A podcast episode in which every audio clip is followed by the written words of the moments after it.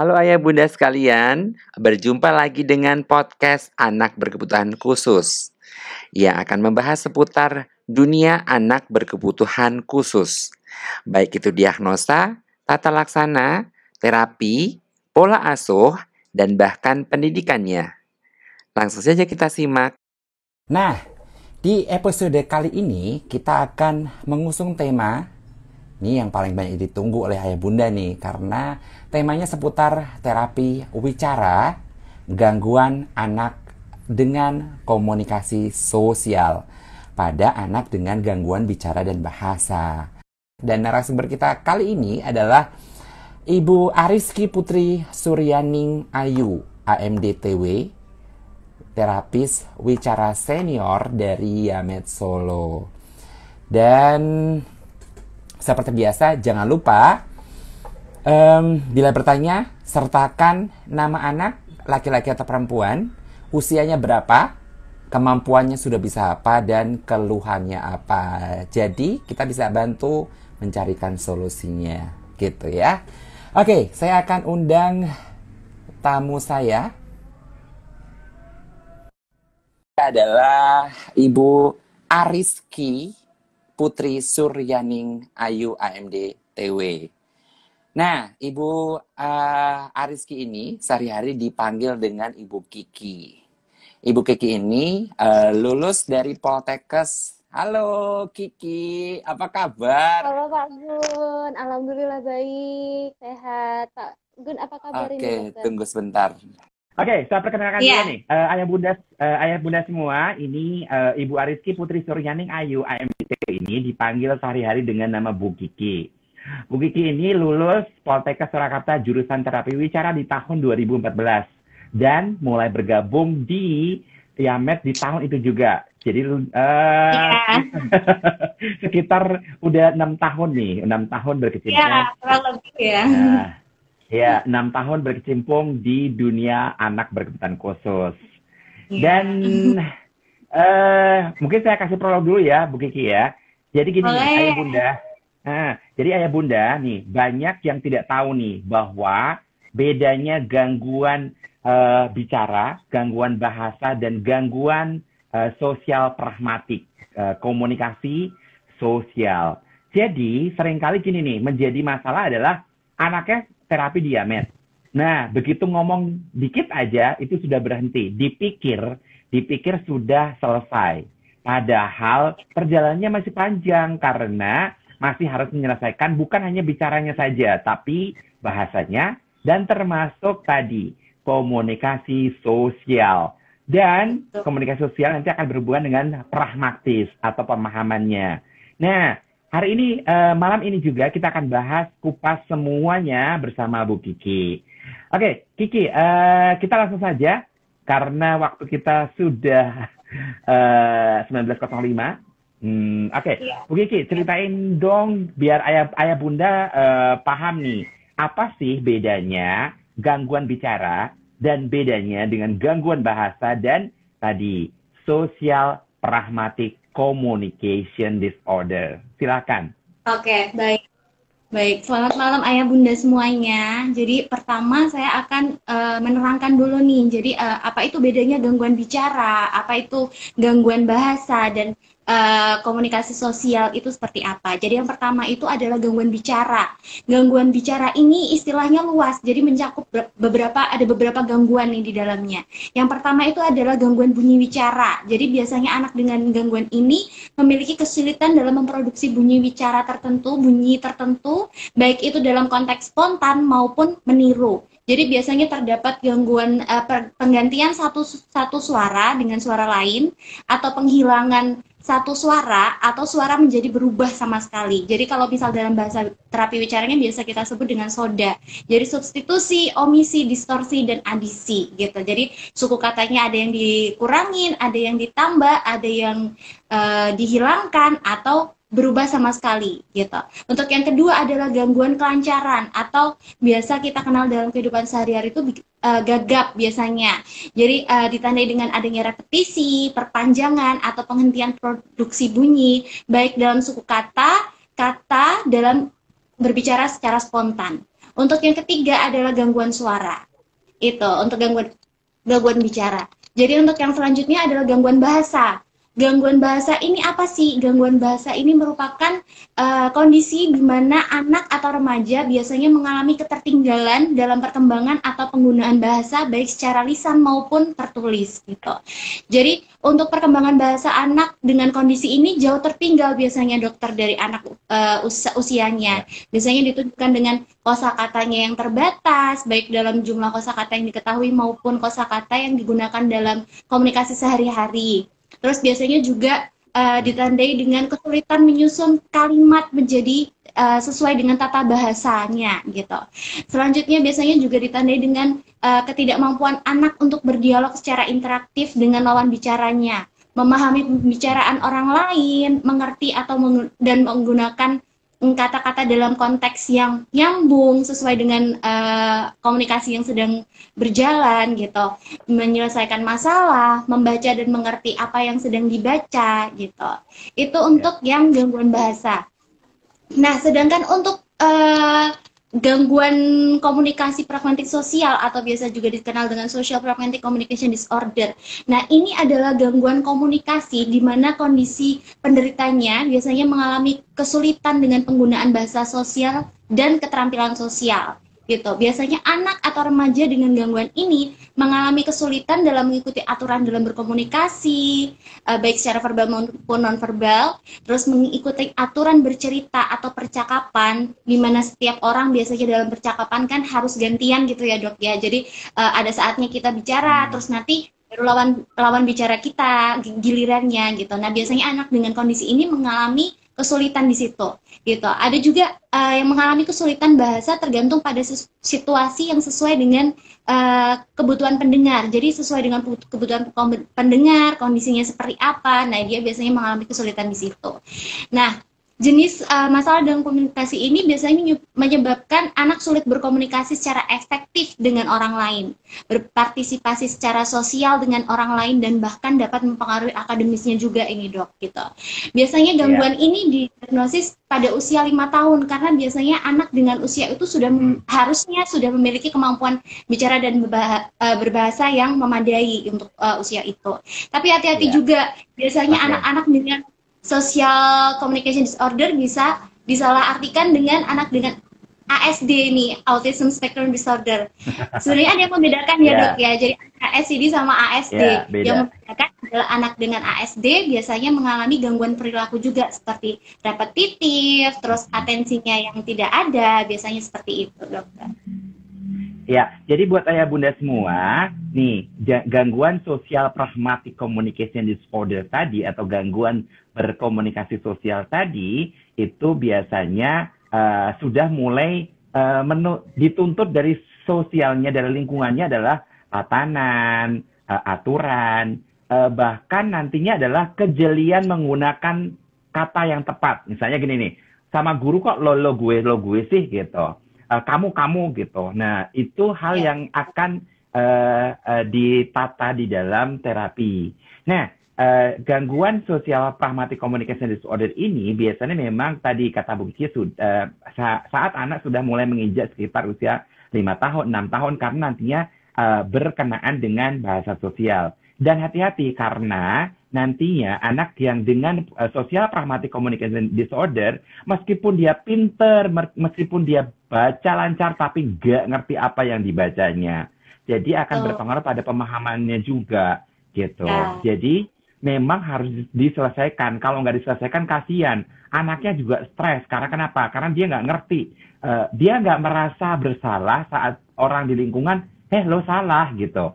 Jadi uh, mungkin yang terjadi akhirnya diketawakan oleh teman-temannya gitu. Atau mungkin gurunya yang nggak, kalau guru yang nggak ngerti gini, eh kamu tuh ya kalau misalnya uh, uh, bertanya harusnya uh, pada saat yang tepat gitu. Karena sering kali anak dengan gangguan communication disorder itu nyelak pembicaraan orang tanpa mengerti kapan harus menyelaknya gitu. Ya, Oke, okay, lanjut lagi Bu Kiki. Bu Kiki, okay. uh, uh, di, uh, kalau kita ngomongin tadi masalah-masalah tadi, sebenarnya faktor penyebabnya apa? Silahkan. Oke, jadi untuk faktor penyebabnya ini sebenarnya ada dua, dibagi jadi dua ya dokter ya. Jadi untuk yang pertama faktor uh, Sebentar. Oke, jadi ada dua faktor. Yang pertama internal.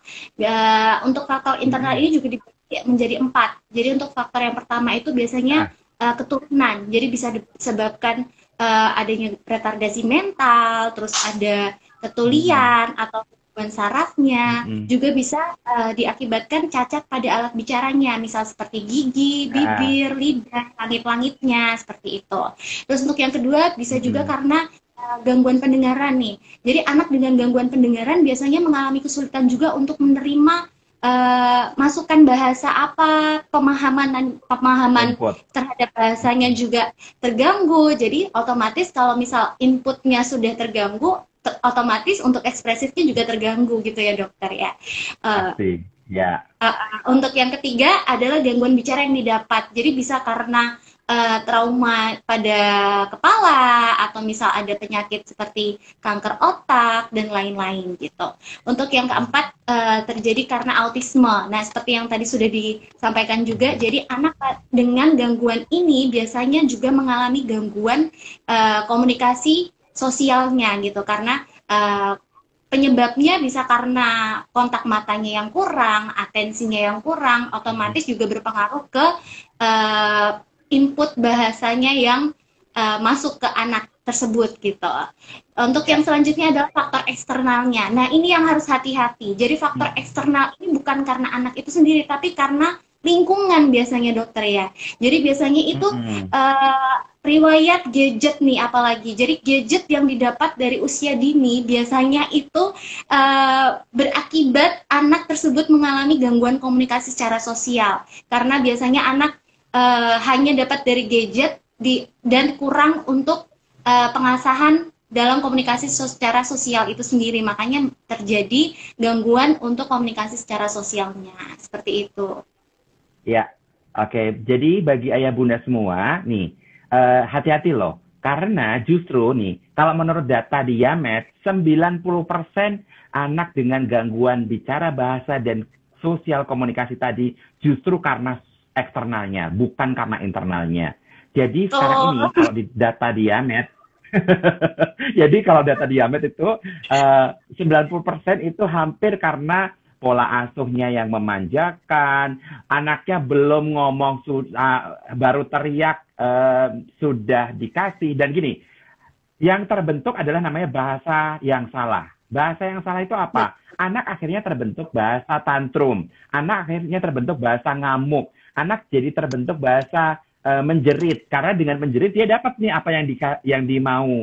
Jadi uh, akhirnya anaknya tidak berkembang bahasa bicara dan uh, bicara dan bahasanya, justru yang berkembang adalah tantrumnya, emosinya, ngamuknya, uh, perilaku-perilaku abnormalnya. Nah, belum lagi nih, siang tadi saya juga baru dapat pasien gitu ya.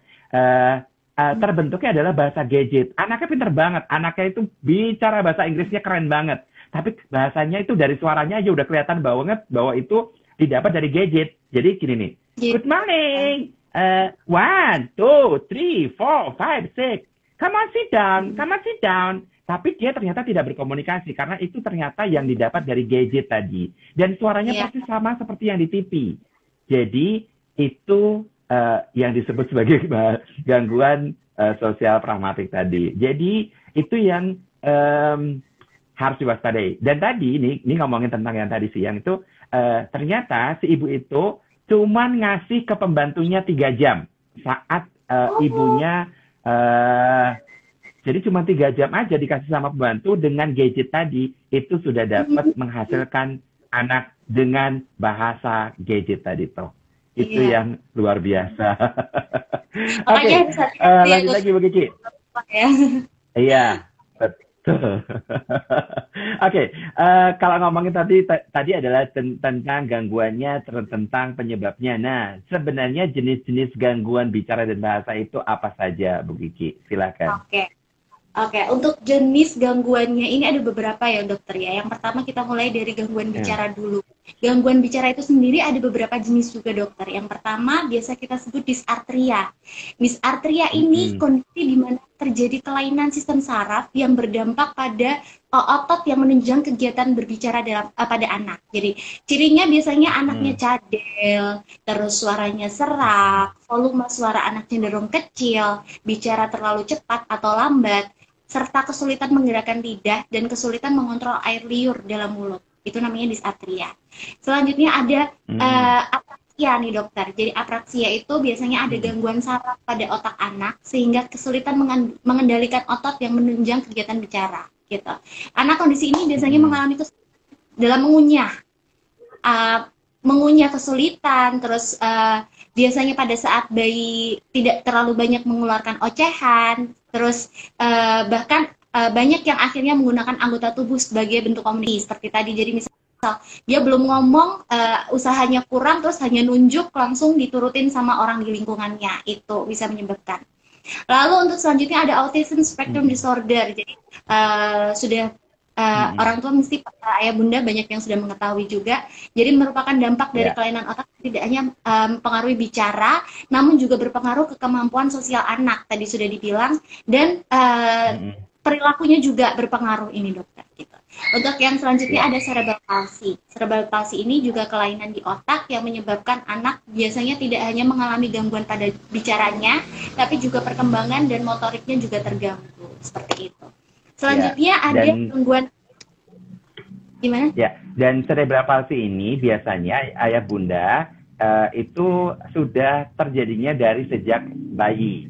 Jadi terjadinya yeah. adalah karena uh, kerusakan di otak saat otak itu belum matang. Jadi memang kalau cerebral palsy itu kelihatan sekali dari mulai uh, nanti progres motorik kasarnya udah kelihatan tengkurapnya, lehernya waktu waktu uh, kan tengkurap itu sekitar 2-3 bulan. Nah, uh, bayinya tidak mampu karena lehernya pun juga akan kelihatan. Jadi motorik-motoriknya terganggu dan bahkan nanti pada beberapa uh, alat otot fasial atau otot wajah juga mengalami gangguan kekakuan dan seterusnya gitu dari mulai uh, ada beberapa yang dia itu separuhnya terkena gitu itu yang nantinya harus diwaspadai oke okay, uh, gangguan yang kedua Bu Kiki oke okay. yang kedua adalah gangguan bahasa ini juga dibagi ada beberapa. Yang pertama itu afasia. Afasia itu merupakan kehilangan kemampuan untuk membentuk kata-kata atau kehilangan kemampuan untuk menangkap arti kata-kata sehingga pembicaraan biasanya tidak dapat berlangsung dengan baik. Jadi anak-anak dengan gangguan ini biasanya memiliki riwayat perkembangan bahasa sebenarnya malah uh, di awal itu normal. Namun setelah terjadi trauma di kepala atau gangguan neurologis lain biasanya baru terdapat gangguan uh, pada bahasanya seperti itu. Yang selanjutnya adalah gagap. Jadi gagap tadi uh, gangguan kelancaran dalam kecepatan atau irama bicara. Jadi uh, biasanya terdapat pengulangan suara, suara uh, pengulangan suku kata atau pengulangan kata atau uh, terjadi biasanya uh, lidah atau bibir atau laring biasanya uh, terdapat spasme tonik. Jadi otot-otot uh, bicaranya kayak uh, ada masalah gitu ya dokter ya. Jadi uh, biasanya juga ya, uh, disebabkan jadi... penyebabnya uh, penyebabnya ya, biasanya jadi, uh, bisa dari kanan orang tua atau ya. uh, gangguan naturalisasi, uh, rasa tidak aman anak itu sendiri juga kepribadian anak biasanya. Gitu. Iya. Ya, jadi berhubungan dengan kecemasan anak, kepanikan anak gitu, dan kontrol terhadap uh, kecemasan kepanikan itu. Nah itu ya. um, munculnya pun uh, sering kali ditrigger oleh beberapa masalah tadi. Jadi nanti ada beberapa anak yang, ih enggak kok anakku enggak gagap kok. Jadi banyak orang tua yang enggak, enggak ngaku gitu. Enggak ngaku itu dalam artian emang enggak tahu juga gitu ya. Muncul gagapnya itu kalau kalau kalau mau maju di ke depan kelas aja gitu. Tapi di rumah nggak muncul nih. Jadi ibunya ya. uh, denial sekali gitu. Enggak kok, enggak di rumah nggak muncul gitu. Ya iya karena kenapa? Itu kan dipicu oleh beberapa uh, situasi tadi itu kecemasan, kepanikan dan seterusnya. Oh. Gitu. Itu yang harus diwaspadai. Oke, lanjut Bu Kiki. Oke, yang terakhir nih ada disfasia, dokter. Jadi disfaksia hmm. itu perkembangan uh, uh, apa uh, apabila terdapat defisit dalam ekspresi verbal atau pemahaman bahasa, hmm. tidak termasuk di antaranya gangguan pendengaran, motorik, terbelakang mental, dan kerusakan otak, gitu. Jadi uh, lebih hmm. ke lingkungannya, gitu ya, dokter ya. Mm -mm. Oke, okay. Nah sebenarnya uh, Bu Kiki mesti uh, dijelasin ke orang tua juga, ke ayah bunda semua di rumah gitu ya. Sebenarnya tanda-tanda apa sih yang muncul kalau uh, tadi tuh uh, anak mengalami gangguan tadi, Gang, terutama gangguan komunikasi sosial nih. Karena yang kita bahas hari ini lebih banyak ke gangguan komunikasi sosial. Silakan Bu Kiki. Oke, jadi biasanya ada beberapa tanda-tanda yang bisa dilihat uh, orang tua untuk pertama kali bisa mengetahui anak ini mengalami gangguan komunikasi sosial atau tidak sih. Biasanya mengalami kesulitan dalam keterampilan komunikasi baik secara verbal maupun non verbal ya dokter ya. Jadi yang pertama biasanya uh, mengalami kesulitan menanggapi orang lain. Biasanya diajak komunikasi, dia tidak merespon atau uh, menanggapi uh, pertanyaan dari orang lain, jadi dia mengalami kesulitan. Bisa juga uh, kesulitan berada di topik yang sama. Jadi biasanya anak yang sudah verbal kan uh, diajak komunikasi, biasanya dia kesulitan untuk mempertahankan topik yang sama nih dokter ya. Terus biasanya juga kesulitan menunjukkan emosi. Jadi dia tidak bisa mengungkapkan apa yang dia mm. rasakan biasanya. Jadi kayak dia lagi sedih, dia tidak bisa mengungkapkan, atau dia lagi senang, dia tidak bisa mengungkapkan juga seperti itu. Selanjutnya adalah menyesuaikan ucapan agar sesuai dengan situasi yang berbeda. Jadi misalnya uh, berbicara di lapangan seharusnya berbeda dengan berbicara di perpustakaan. Atau juga bisa uh, eh, yeah. berbicara dengan orang yang lebih tua uh, berbeda dengan berbicara dengan hmm. teman yang sebaya gitu. Terus biasanya juga mengalami kesulitan bergantian saat sedang berbicara dengan orang lain. Jadi yang seperti sudah disampaikan uh, tadi jadi biasanya dia mengalami kesulitan bergantian. Jadi cenderung lebih kalau misal dia lagi excited nih dokter ya jadi biasanya dia ngomong terus jadi nggak memberi Yalah. kesempatan. Iya nggak memberi kesempatan nggak bisa di nggak bisa di rem. Nggak bisa di nggak bisa diselak nggak bisa. Betul. Jadi uh, juga mengalami kesulitan memahami lelucon biasanya. Jadi uh, nggak bisa diajak bercanda. Terus misalnya mengalami uh, mengajukan pertanyaan yang relevan sesuai dengan uh, pembicaraan yang sedang berlangsung. Juga uh, mengalami uh, kesulitan untuk memahami hal yang tidak tertulis nih dokter ya. Jadi misalnya kalau misal di akademis yeah. nih anak yang sekolah membaca soal terus uh, dari bacaan disuruh untuk mengambil kesimpulan atau diambil pesan moral dari satu bacaan tersebut biasanya anak dengan gangguan komunikasi sosial mengalami kesulitan untuk mengaplikasikannya itu. Seperti itu biasanya iya, tanda-tandanya. Yeah. Atau hal Ya, atau hal yang tersirat gitu ya, tersirat itu, ya. aduh oh. apa itu ya tersirat gitu. atau beberapa mungkin yang uh, uh, apalagi yang idiom-idiom itu atau peribahasa itu oh, apa iya. itu? Bertanyalah Daru. Jadi bertanyalah iya, pada rumput yang bergoyang gitu kan ya. Benar-benar nanya keluar ke rumput gitu. Betul. Oke. Okay. Jadi uh, itu yang yang yang akan harus diwaspadai ya Bu Kiki ya. Ada lagi nggak Bu Kiki iya. uh, uh, tanda-tanda yang harus diwaspadai?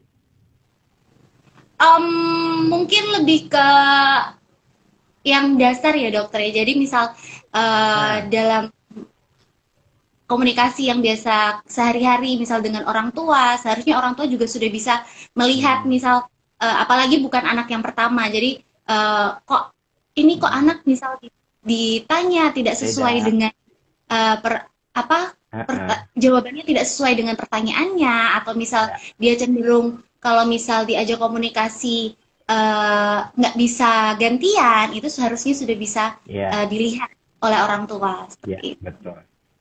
Okay. Nah, uh, kalau ngomongin tadi tadi tanda-tanda, penyebab dan seterusnya. Nah, poin intinya apa yang dilakukan oleh orang tua nih, Bu Kiki?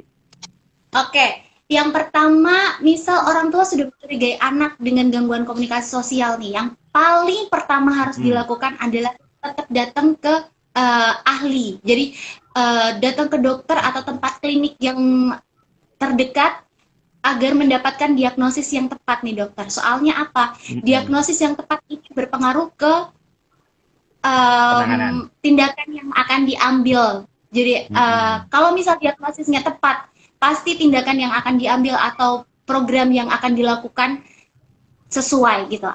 Tapi sayang sekali misal yeah. Ya. uh, diagnosisnya tidak sesuai dengan apa kondisi anaknya, jadi yeah. otomatis penanganannya juga be, uh, tidak sesuai gitu dokter. Jadi malah sayang, apalagi iya, betul. Uh, sesuai usianya lebih cepat kan lebih baik gitu dokter. Jadi nanti setelah dari yeah. ahli, setelah dapat diagnosis baru uh, diarahkan. Jadi harus terapi apa, hmm. terapi bicara atau okupasi atau fisio hmm. atau terapi perilaku. Biasanya seperti itu dokter. Iya. Jadi buat ayah bunda semua nih harus datang ke center yang tepat. Jadi ke klinik tumbuh kembang yang memang mengerti tentang anak berkebutuhan khusus. Karena sering kali diagnosanya salah, ya sudah. Atau diagnosanya sih sebenarnya benar, tapi cuma speech delay gitu tuh. Lah, ngapain diagnosa speech delay? Nggak ada gunanya karena jenis speech delay-nya apa yang harus di uh, dituliskan. Jadi, apakah tadi itu? Apakah gangguan um, language disorder? Apakah gangguan speech sound disorder? Speech sound itu yang tadi artikulasi dan seterusnya. Apakah gangguan yang namanya social pragmatic communication disorder. Jadi jenis-jenis itu akan menentukan arah yang berbeda pula. Kalau sudah diagnosa salah, arahnya pun juga salah. Seringkali diagnosanya cuma speech delay. Terus nanti rujukannya cuma kertas lembar kecil begitu, cuma kertas kecil, langsung cuma suruh terapi bicara dua kali seminggu. Okupasi terapi satu kali seminggu misalnya gitu. Ya nggak ada gunanya. Ya. Karena kenapa? Karena uh, harusnya dengan diagnosa yang benar itu tata laksana benar. Dan kalau diagnosanya udah salah, nah arahnya pun juga salah. Itu yang penting. Dan termasuk nanti diagnosa tadi akan menentukan PR-PR buat orang tua ngapain juga nah, dari situ. Iya, betul. Karena karena gini nih, kalau sudah diagnosanya ya dalam saya speech delay, speech delay nanti sama tadi gangguan apakah language disorder, apakah speech sound disorder, apakah uh, social pragmatic communication disorder itu berbeda. Itu yang menyebabkan akhirnya PR pun juga beda. PR yang harus dilakukan oleh orang tua, penekanannya apa gitu ya.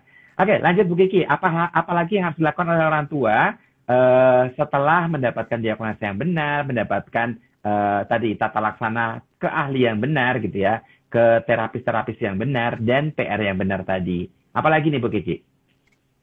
Oke, jadi misal orang tua juga sudah datang ke tempat terapi, sudah melakukan terapi yang betul eh, sesuai dengan kondisi anak, yang harus dilakukan juga uh, kerjakan apa yang dikerjakan oleh terapis di tempat terapi di rumah juga. Kenapa? Karena waktu anak hmm. lebih banyak dengan orang tua. Misal dengan terapis hanya sehari satu jam dua jam maksimal tiga jam dengan terapis. Mm -hmm. sedangkan di rumah waktunya lebih banyak. Jadi semakin banyak semakin sering diulang progres anak akan semakin baik gitu dokter. Tapi juga tetap mm, uh, yeah. faktor-faktor yang menyebabkan anak tidak berkembang. Jadi misal kayak gadget misal disuruh oleh uh, ahlinya untuk diet itu tetap dilakukan. Jadi uh, kerjasama ya dokter ya jadi sama-sama berusaha Betul. untuk uh, perkembangan anak agar menjadi lebih baik seperti itu. Oke, Bu Kiki kita sekarang udah masuk ke segmen kedua karena pertanyaan ternyata udah berjibu, udah banyak banget. Jadi kita bisa uh, menjawab pertanyaan karena pertanyaannya udah banyak banget berjibun. Jadi nantinya takut kita nggak dapat waktu untuk menjawabnya. Oke, okay, okay, iya. pertanyaan yeah. pertama dari Ibu Al dari Instagram Al Azlina 1520. Uh, eh, Ananda Kurnia Pratama usia 11 tahun uh, diagnosanya adalah autisme. Assalamualaikum. Uh, mohon izin bertanya bagaimana trik dan solusi kami untuk menangani permasalahan Ananda yang masih kurang dalam kemampuan komunikasinya. Silakan Bu Kiki, anaknya autis 11 tahun. Uh, uh, komunikasinya belum lancar. Apa yang harus dilakukan oleh Ibu Aslina 1520 ini? Oke, saya akan coba jawab ya Bunda ya. Jadi uh, anak kondisinya autism terus usia 11 tahun masih mengalami kesulitan dalam komunikasinya. Jadi yang pertama harus dilihat dulu atensinya seperti apa. Atensinya sudah bagus atau belum? Kontak matanya seperti apa? Jadi itu adalah dasar uh, anak untuk mendapatkan uh, pembelajaran menerima pembelajaran yang baik asal uh, atensi dan kontak matanya sudah baik gitu. Jadi asal atensi dan kontak matanya sudah baik itu nanti tinggal uh, lebih sering diulang lagi aja misal di rumah. Jadi uh, Oh iya, jangan lupa untuk pemahamannya juga. Jadi pemahaman anak sudah paham dulu uh, terhadap uh, kata itu atau belum. Jadi misal komunikasi, anak ditanya tapi anak tidak merespon, anaknya sudah paham dulu uh, atau belum untuk uh, pertanyaan itu gitu. Jadi yang harus dilakukan cek dulu itunya, kontak mata, uh, pemahamannya dan pengulangan yang paling penting dokter. Jadi uh, harus sering ya. di ulang pertanyaannya gitu. Dan gunakan juga kal kalimat atau kata yang singkat tapi jelas gitu. Jangan terlalu banyak takutnya anak nanti lebih bingung untuk mencerna uh, apa yang dimaksud oleh orang di sekitarnya seperti itu. Oke, okay, Ibu buat Ibu Aslina yang uh, dikatakan sama Kiki tadi adalah uh, sebenarnya Ibu mesti lihat dulu nih prasyarat seorang anak belajar berbicara itu sudah cukup belum? Prasyarat itu ada sembilan. Nah, sembilan ini yang ibu harus penuhi dengan baik di anak ibu. Nah, sembilan tadi ini akan saya sebutkan, nanti tolong dicatat. Kalau ibu kelewatan, nanti putar kembali IG Live ini. Diulang. Satu, yang pertama adalah IQ.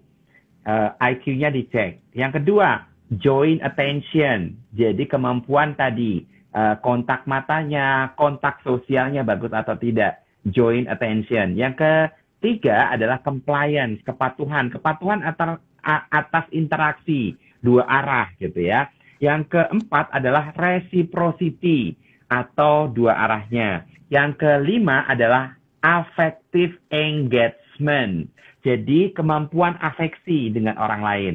Yang keenam adalah share intention, berbagi perhatian. Perhatian dengan muka orang, perhatian dengan mulut uh, orang yang berbicara, perhatian dengan pendengar, kondisi pendengarannya dia untuk mendengar informasi, perhatian terhadap benda yang diajarkan. Misalnya contoh ini saya bilang uh, spidol warna merah. Nah, jadi share intensinya dapat enggak. Yang ketujuh adalah tadi Bu Gigi sudah bilang adalah uh, meaning atau makna. Jadi ini yang nomor tujuh ini perlu diulang-ulang tadi seperti Bu Kiki udah bilang bahwa harus diulang-ulang. Ini adalah spidol warna merah. Ini belinya di Gramedia misalnya. Ini gunanya untuk penulis. Ini kayak gitu. Jadi uh, meaning, meaning itu yang paling penting. Yang kedelapan adalah sensory process, processing termasuk audition atau pendengaran. Fokus pendengarannya gimana? Yang kesembilan adalah praksis. Bagaimana dia memerintahkan sampai ngucap ke sini tadi ngucap misalnya spidol warna merah gitu. Itu yang harus dilengkapi gitu. Oke, Bu Kiki kita lanjut pertanyaan ke, ke berikutnya. Dari Elzul Elzulaika, nama anaknya Raisya tiga tahun, perempuan, keluhannya belum bisa berbicara. Uh, tiga tahun belum bisa berbicara. Nah, PR uh, eh, tugas PR-nya apa nih? Jadi ini masih reseptif aja belum dapat nih. Resep reseptif aja belum dapat nih. Iya, Oke, okay, Bu Dini silakan jawab. Uh, sudah pernah datang ke tempat terapi dan mendapatkan diagnosa atau belum? Ini pertama yang harus dilakukan. Jadi kalau sudah mendapatkan diagnosa, uh, mendapatkan terapi juga biasanya akan dijelaskan ya dokter ya sama terapisnya. Jadi uh, kondisi anak yang waktu masuk pertama itu seperti apa. Jadi uh, pemahamannya yang sudah didapat apa, kemampuannya apa gitu. Jadi uh, pertanyaan pertanyaannya tadi gimana dokter? Jadi anaknya tiga tahun delay belum bisa apa-apa. PR oh. banyak banget karena Iya banyak banget jadi belum. iya betul. Jadi reseptif itu belum dapat otomatis uh, komunikasinya juga masih belum dapat ya jauh ya dokter ya jadi pertama reseptif dulu nih oh pertama atensi dulu nih jadi atensinya seperti apa reseptifnya masuk baru nanti ke komunikasinya itu jadi yang pertama yang harus dilakukan ya.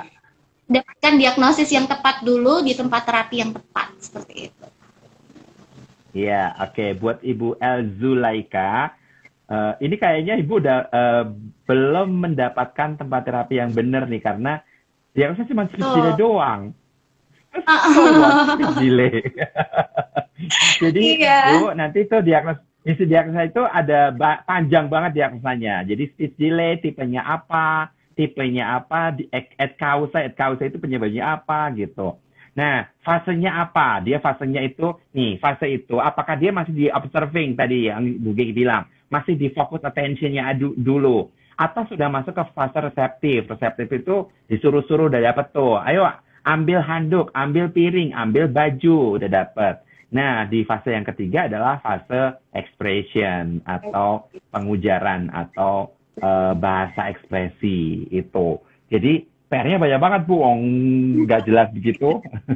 Oke, okay, masuk ke pertanyaan berikutnya. Oke. Okay. Suka aneh-aneh nih. Uh, Ibu Laila Laila Tusaidah Tusaidah. Assalamualaikum, anak saya 11 tahun sekarang tahap pemahaman. Apa PR-nya di tahap pemahaman? Silakan, Bu Kiki. Pemahamannya ya. PR anak. Jadi pemahaman. Ya, gangguan pemahaman. Jadi gangguannya okay, di pemahamannya. Pemahamannya. Jadi berarti uh, latihannya uh, tetap yang ke reseptifnya dulu ya dokter ya. Jadi ya, Uh, anak dipastikan jadi, sudah paham dulu terhadap uh, kata atau hmm. materi yang akan diberikan. Jadi nanti pemahaman itu anak yang penting sudah paham dulu baru nanti uh, ekspresifnya baru anak dapat mengaplikasikan apa yang sudah dipahami oleh anak tersebut seperti itu.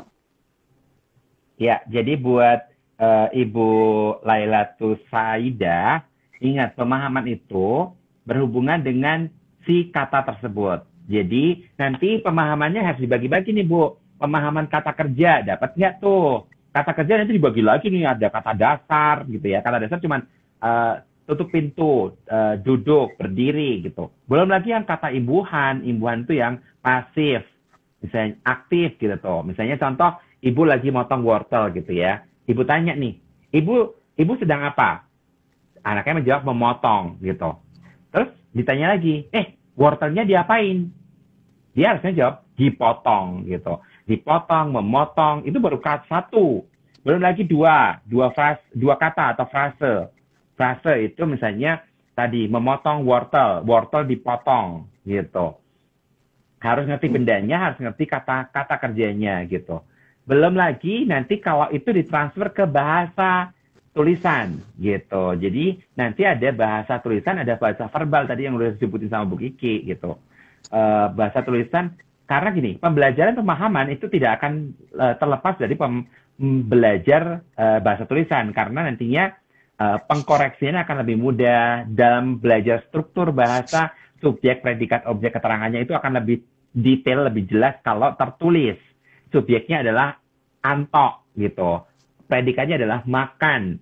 Uh, objeknya adalah apel. Nah, kayak gitu. Jadi nanti pemahamannya akan dilatihkan uh, dari bahasa verbal dan bahasa tulisan. Tapi ya itu tadi harus dicek semuanya dulu apakah kata-katanya sudah dimengerti. Nah kalau belum dimengerti ya wassalam lah gitu. Ngapain juga ngelatih bahasa sosial sedangkan Sedangkan bahasa dasarnya aja belum dapat ya begini ya. Iya, betul. Gitu.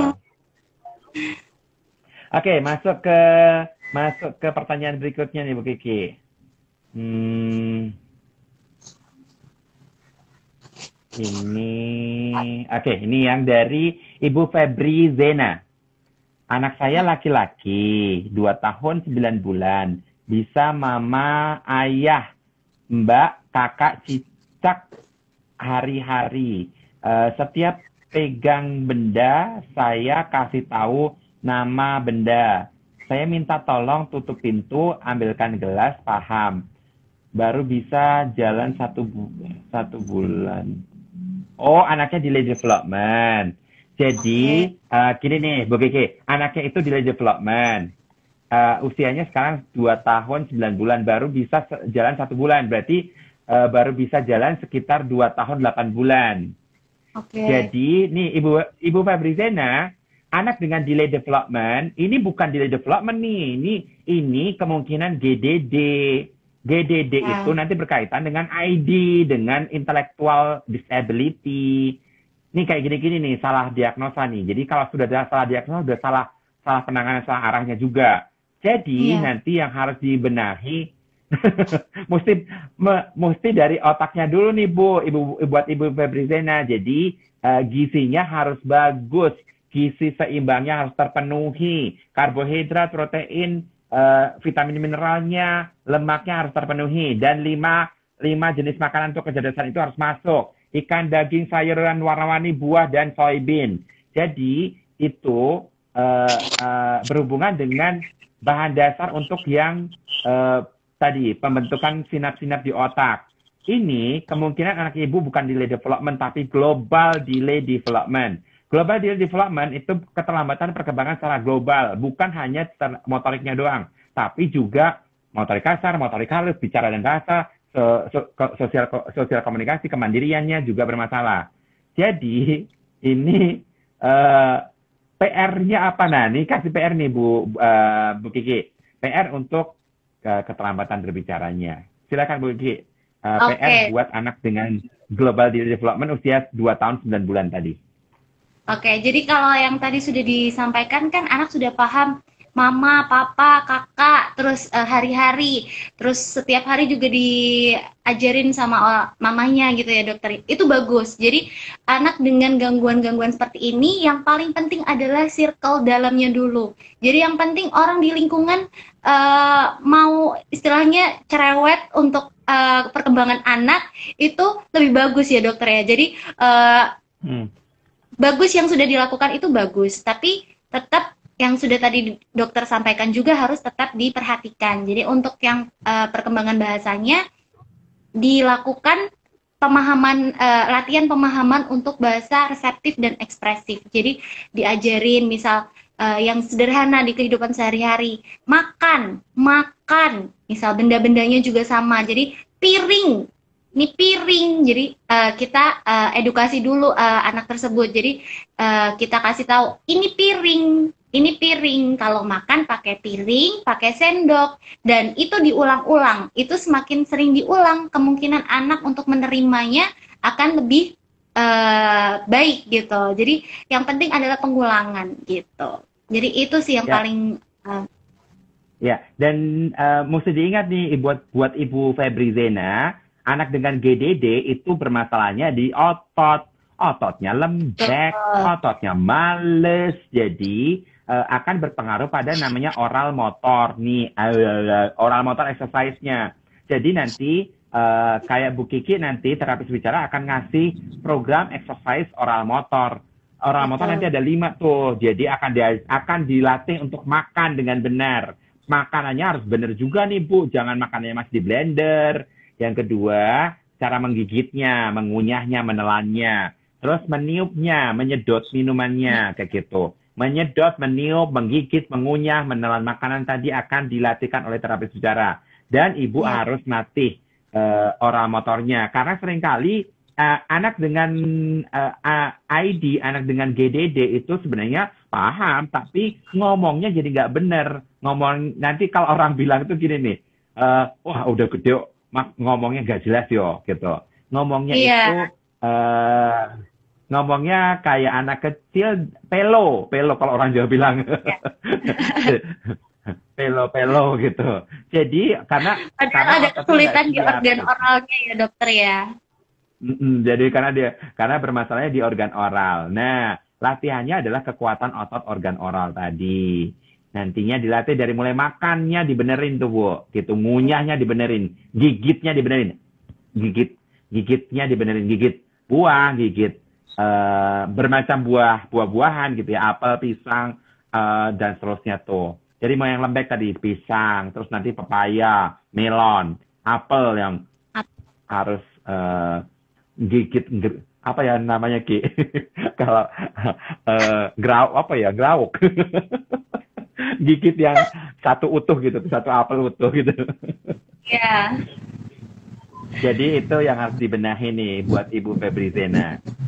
Oke okay, terus uh, dari pertanyaan dari Tia Aristia.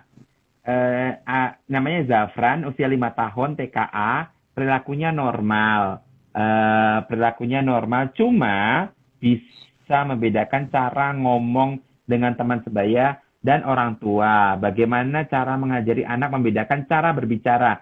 Oh, Oke, okay. jadi ini pertanyaannya gini nih Bu Kiki. Uh, dari Bu Tia Aristia ini, anaknya itu lima tahun, namanya Zafran normal, tapi kadang nggak bisa bedain antara cara ngomong dengan teman sama orang tua. Oke, okay, okay.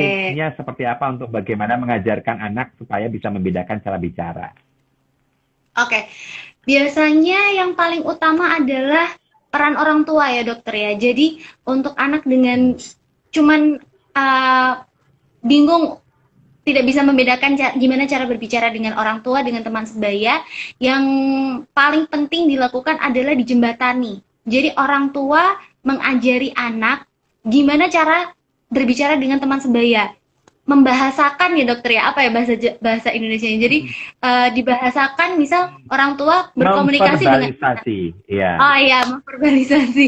Jadi uh, an, uh, orang tua uh, mencontohkan gimana cara berbicara dengan teman sebaya gimana uh, orang tua uh, anak berbicara dengan orang yang lebih tua. Dan posisi orang tua ini di posisi anak gitu. Jadi misal kita berbicara sama temannya anak misal Mas Mas A makan apa sih gitu. Terus nanti bisa berbicara dengan orang yang lebih tua dengan bahasa yang lebih uh, halus atau lebih sesuai untuk uh, gimana cara berbicara anak untuk orang yang lebih tua seperti itu. Jadi orang tua yang harus menjembatani atau mencontohkan uh, kepada anak uh, gimana bahasa atau kalimat yang sesuai yang harusnya digunakan untuk berbicara kepada teman sebaya dan orang yang lebih tua seperti itu. Oke, jadi buat Ibu Tia Aris Tia, satu, modeling itu penting. Model, contoh. Dan anak itu akan lebih mudah, uh, istilah gini nih, satu tauladan itu akan menggantikan pembelajaran yang sebagai banyak sekali gitu. Jadi, uh, teladan itu penting. Jadi, uh, mengajarkan itu lebih lebih menggunakan model, menggunakan cara langsung itu lebih lebih efektif pada kasus seperti ini. Uh, terutama misalnya contoh gini nih, kalau, misalnya uh, orang Jawa gitu ya, kalau orang Solo ini begini orang Solo nih, yeah. gitu.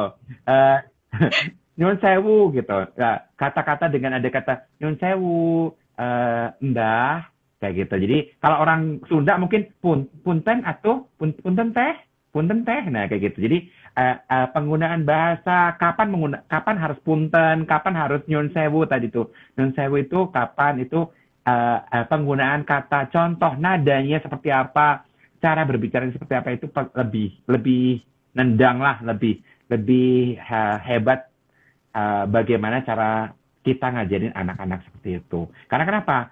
Anak-anak uh, di usia segini adalah anak-anak generasi alpha. Generasi alpha itu paparan gadgetnya itu kadang yang ditonton sinetron gitu toh. Bahkan nanti bahasanya bahasa sinetron akhirnya. Hei kamu gitu. Jadi apalagi kalau ya, novela itu ya, ya. apalagi kalau telenovela telenovela kan uh, dubbing. Dubbernya kan ngomongnya begitu ya gitu. Uh, ya betul betul. uh, suamiku jangan suamiku. Itu uh, uh, karena generasi alpha harus didampingi gitu. juga. Makanya sering kali anak-anak generasi alpha itu memang uh, akhirnya tata bahasanya nadanya itu akan uh, kesulitan saat membedakan dengan uh, tadi sensitivitas usia dan seterusnya. Komunikasi sosial Bet. sangat sangat banyak dampaknya pada generasi alfa. Oke, okay. Iya. yeah. uh, masuk lagi ke pertanyaan berikutnya dari uh, Dina underscore Madiana. Uh, anak saya Hafiz, laki-laki usia 4 tahun dengan gangguan ASD, Autistic Spectrum Disorder.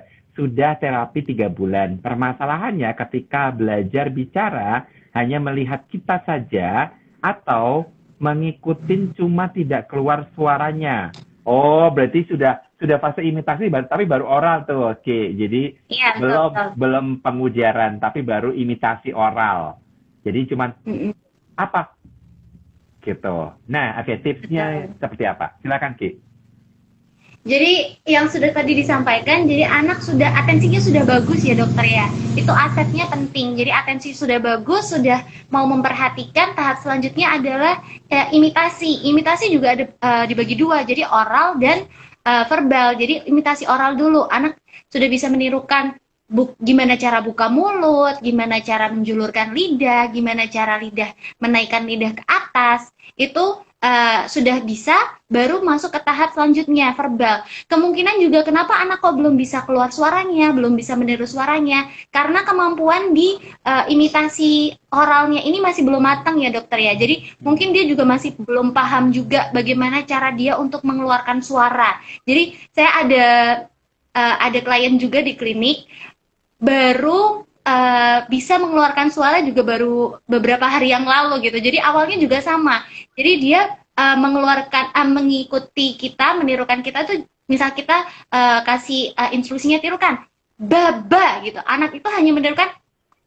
seperti itu. Jadi masih belum belum keluar suaranya. Nah, itu berlangsung uh, selama beberapa bulan sampai akhirnya kemarin beberapa hari yang lalu akhirnya dia bisa mengeluarkan suaranya gitu. Jadi kemungkinan juga dia belum bisa uh, belum mengerti caranya bagaimana uh, mengeluarkan suara atau menggetarkan pita suaranya sehingga tercipta uh, munculnya suara. Jadi seperti itu. Jadi bertahap ya dokter ya. Jadi harus uh, latihan yang lain dulu uh, konsisten baru masuk ke uh, materi yang uh, mengeluarkan suaranya itu tadi. Gitu. Ya, jadi buat Ibu Dina Mardiana uh, penting sekali untuk mengajarkan tadi uh, bagaimana memproduksi suara Nah, memproduksi suara itu berkaitan dengan bagaimana dia meniup, bagaimana dia, misalnya contoh kiss by, mah, mah. Nah, itu harus kenceng gitu tuh, mah. Nah, memang awalnya adalah berupa habituasi atau pembiasaan aja. Nah, tapi itu digantikan nih, mah, mahnya digantikan dengan mau, mama, papa. Jadi, uh, uh, dilatihkan pondasi-pondasinya dulu gitu. Meniupnya seperti apa. Kadang anak nggak bisa loh ternyata mengeluarkan udara dari mulut sama hidung itu nggak nggak ngerti. Bagaimana iya, mengeluarkan tahu udara dari hidung? Nggak tahu bedanya antara mengeluarkan udara dari hidung dan dari mulut. Jadi akhirnya uh, tidak bisa memproduksi suara. Karena kenapa? Karena dia udaranya dari hidung ternyata gitu. Nah, hal-hal uh, yang seperti itu itu nanti dilatihkan oleh terapis bicara. Terapis bicara akan ngasih PR banyak dan PR itu akan harus dilakukan dilanjutkan lagi di rumah. Itu yang uh, nanti uh, buat Ibu Dina Mardiana harus melatihkannya gitu. Oke Bu Kiki ternyata waktunya berjalan sangat oh, cepat ya? dan oke okay, uh, eh, Bu Kiki silahkan pesan-pesan buat ayah bunda semua di rumah uh, karena waktu kita tinggal sebentar lagi. Silahkan Bu Kiki. Oke okay. pesannya jangan menyerah memiliki anak dengan uh, yang berkebutuhan khusus karena uh, ya. ini merupakan anak istimewa titipan dari Allah jadi uh, kita jangan menyerah apa pun yang bisa kita lakukan kita lakukan uh, untuk perkembangan anak jadi uh, apa yang penting untuk anak harus kita uh, lakukan jadi uh, untuk pengulangan atau harus ngantar ke tempat terapi, terus harus mengulang lagi di rumah itu uh, harus kita lakukan demi perkembangan anak dan tetap harus ngelakuin PR-nya di rumah apa yang disuruh sama orang apa yang disuruh sama terapis atau apa yang disuruh sama dokter harus diterapkan juga demi perkembangan anak yang lebih baik juga jadi itu sih dokter yang paling penting yang jangan menyerah aja sih jadi jadi ya. apa okay. Harus semangat um, ayah dan bunda harus semangat Iya. Oke. Okay. Uh, eh, buat ayah bunda semuanya, jangan lupa tadi pesan Bu Kiki uh, intinya adalah kerjain uh, eh, PR kerja bareng gitu ya. Jadi kalau Betul. sudah uh, memulai itu kita akan jadi tim. Tim itu adalah tim tim uh, Yame, tim klinik gitu ya, tim rumah dan tim sekolah. Jangan lupa tiga lini itu harus dijadiin satu. Kerja bareng. Dan um, tadi benar-benar kerjain do-nya dan jangan kerjain don-nya.